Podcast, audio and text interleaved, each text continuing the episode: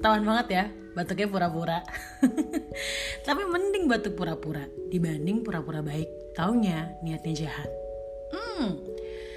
Gimana ya? Kenapa akhirnya setelah lama menghilang kayaknya beberapa udah, udah hampir lebih dari sebulan kali ya nggak posting episode baru di podcast anak tangga terus tiba-tiba hadir dengan batuk pura-pura dan nyeletuknya malah ke pura-pura baik padahal aslinya enggak jadi dari beberapa saat gitu mempelajari dan mengobservasi orang dari sudut ruangan di mana pun aku berada aku mendapatkan satu insight gitu orang itu akan selalu akan selalu ya akan selalu punya kesempatan untuk pura-pura baik ke orang-orang tertentu.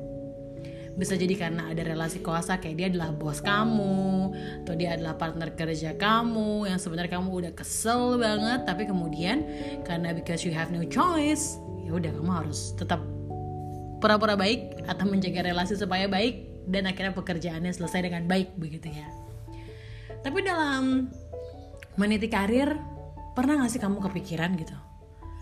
kapan ya ada kesempatan dalam lingkungan profesional terutama ketika kamu diizinkan untuk menjadi diri kamu sebenarnya dan kamu diterima sebagai diri kamu sebenarnya dan bos kamu atau pimpinan atau leader apa pun itu sebutannya mereka bisa dengan bijaksana untuk memplotting masing-masing orang dengan kelebihan dan kekurangannya dan membuat ruangan yang atau ruang yang safe dengan cukup besar gitu ya kepada siapa saja bukan cuma untuk pimpinan-pimpinan aja tapi bahkan pakai sampai level paling bawah sekalipun untuk merasa aman di kantor mereka atau aman di lingkungan organisasi mereka sehingga ya mereka bisa lebih besar daripada potensi yang mereka kira selama ini gitu.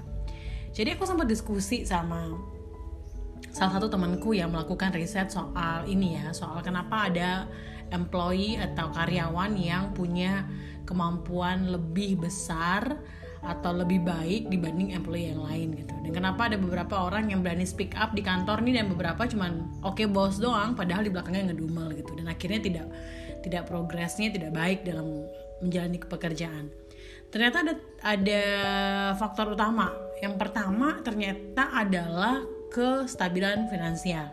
Jadi kalau si karyawan itu ternyata sudah stabil secara finansial anggaplah dia punya pekerjaan sampingan di luar kantornya maka dia akan lebih ya udah bodoh amat dan berani untuk jadi diri sendiri berani speak up berani mungkin membantah atau memberi masukan pimpinan tanpa oke okay, bos gitu ya.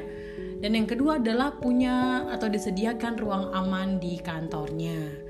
Nah ini nih yang penting nih mungkin aku highlight faktor kedua ini sebagai faktor yang paling bisa dikontrol oleh organisasi atau perusahaan entah leader entah pimpinan gitu ya atau ketua untuk menciptakan ruang aman sebesar mungkin seterbuka mungkin untuk siapa saja sehingga tadi nggak banyak kepura-puraan di kantor. Dan ketika kita kerja kita bisa jadi diri kita sendiri.